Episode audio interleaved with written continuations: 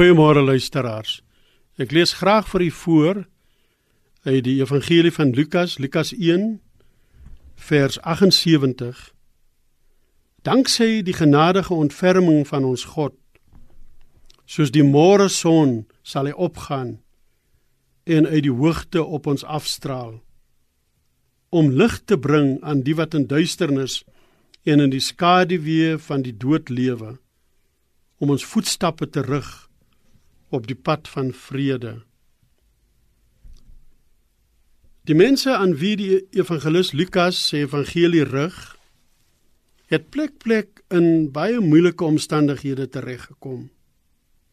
Daar is in die Lukas evangelie verwysings na die werklikheid dat Christene van sy tyd met die mag en die nikke en die vergrype van die keiser gekonfronteer was. Forme van onderdrukking, ontsettende hoë belastings en dinge wat mense gewoon het siek gemaak het sodat daar gedink is dat hulle van die duiwel besete is. Is die dinge waaronder hulle gebuk gegaan het. 'n Mens sou kon sê en dit skryf Lukas eintlik self ook dat hulle in duisternis gewandel het. Maar die wonderlike goeie nuus is juis nou dat daar deur die hartgrondige genade van God sy son skyn oor hulle aangebreek het. 'n Mens sou eintlik ook kon sê dat God se lig op hulle ingebreek het om in die duisternis op hulle te skyn.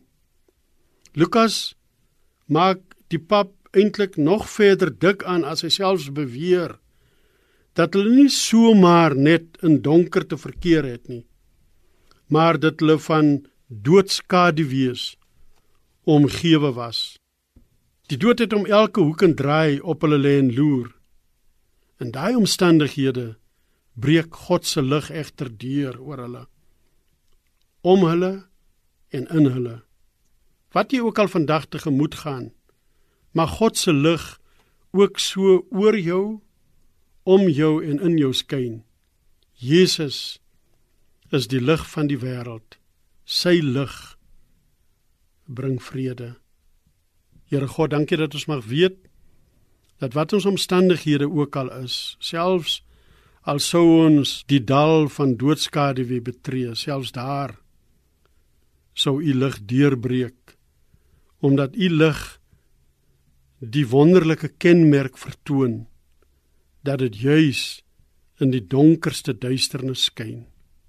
Help ons om ook in hierdie dag na geleenthede te soek waar ons ons eie lig kan laat skyn sodat daar deur die lig vrede mag kom om Jesus Christus ontwil.